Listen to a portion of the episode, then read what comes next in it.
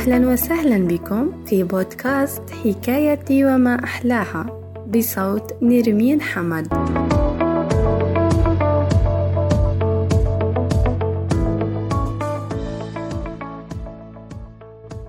في إحدى أيام فصل الربيع خرج أرنب كبير الحجم من جحره بعدما أن أحس بالجوع باحثا عن الطعام فأخذ يبحث في الغابة عما يأكله إلى أن عثر على جزرة كبيرة.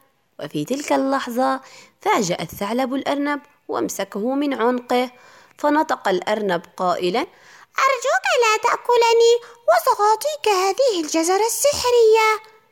تعجب الثعلب وما السحر فيها؟ رد الأرنب بحماس إذ أكلتها ستصبح قادرا على الطيران.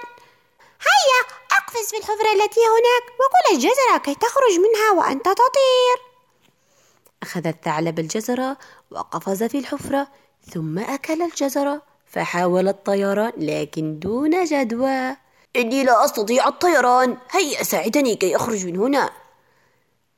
نظر الأرنب إلى الثعلب ضاحكا وقال لقد أكلت جزرتي.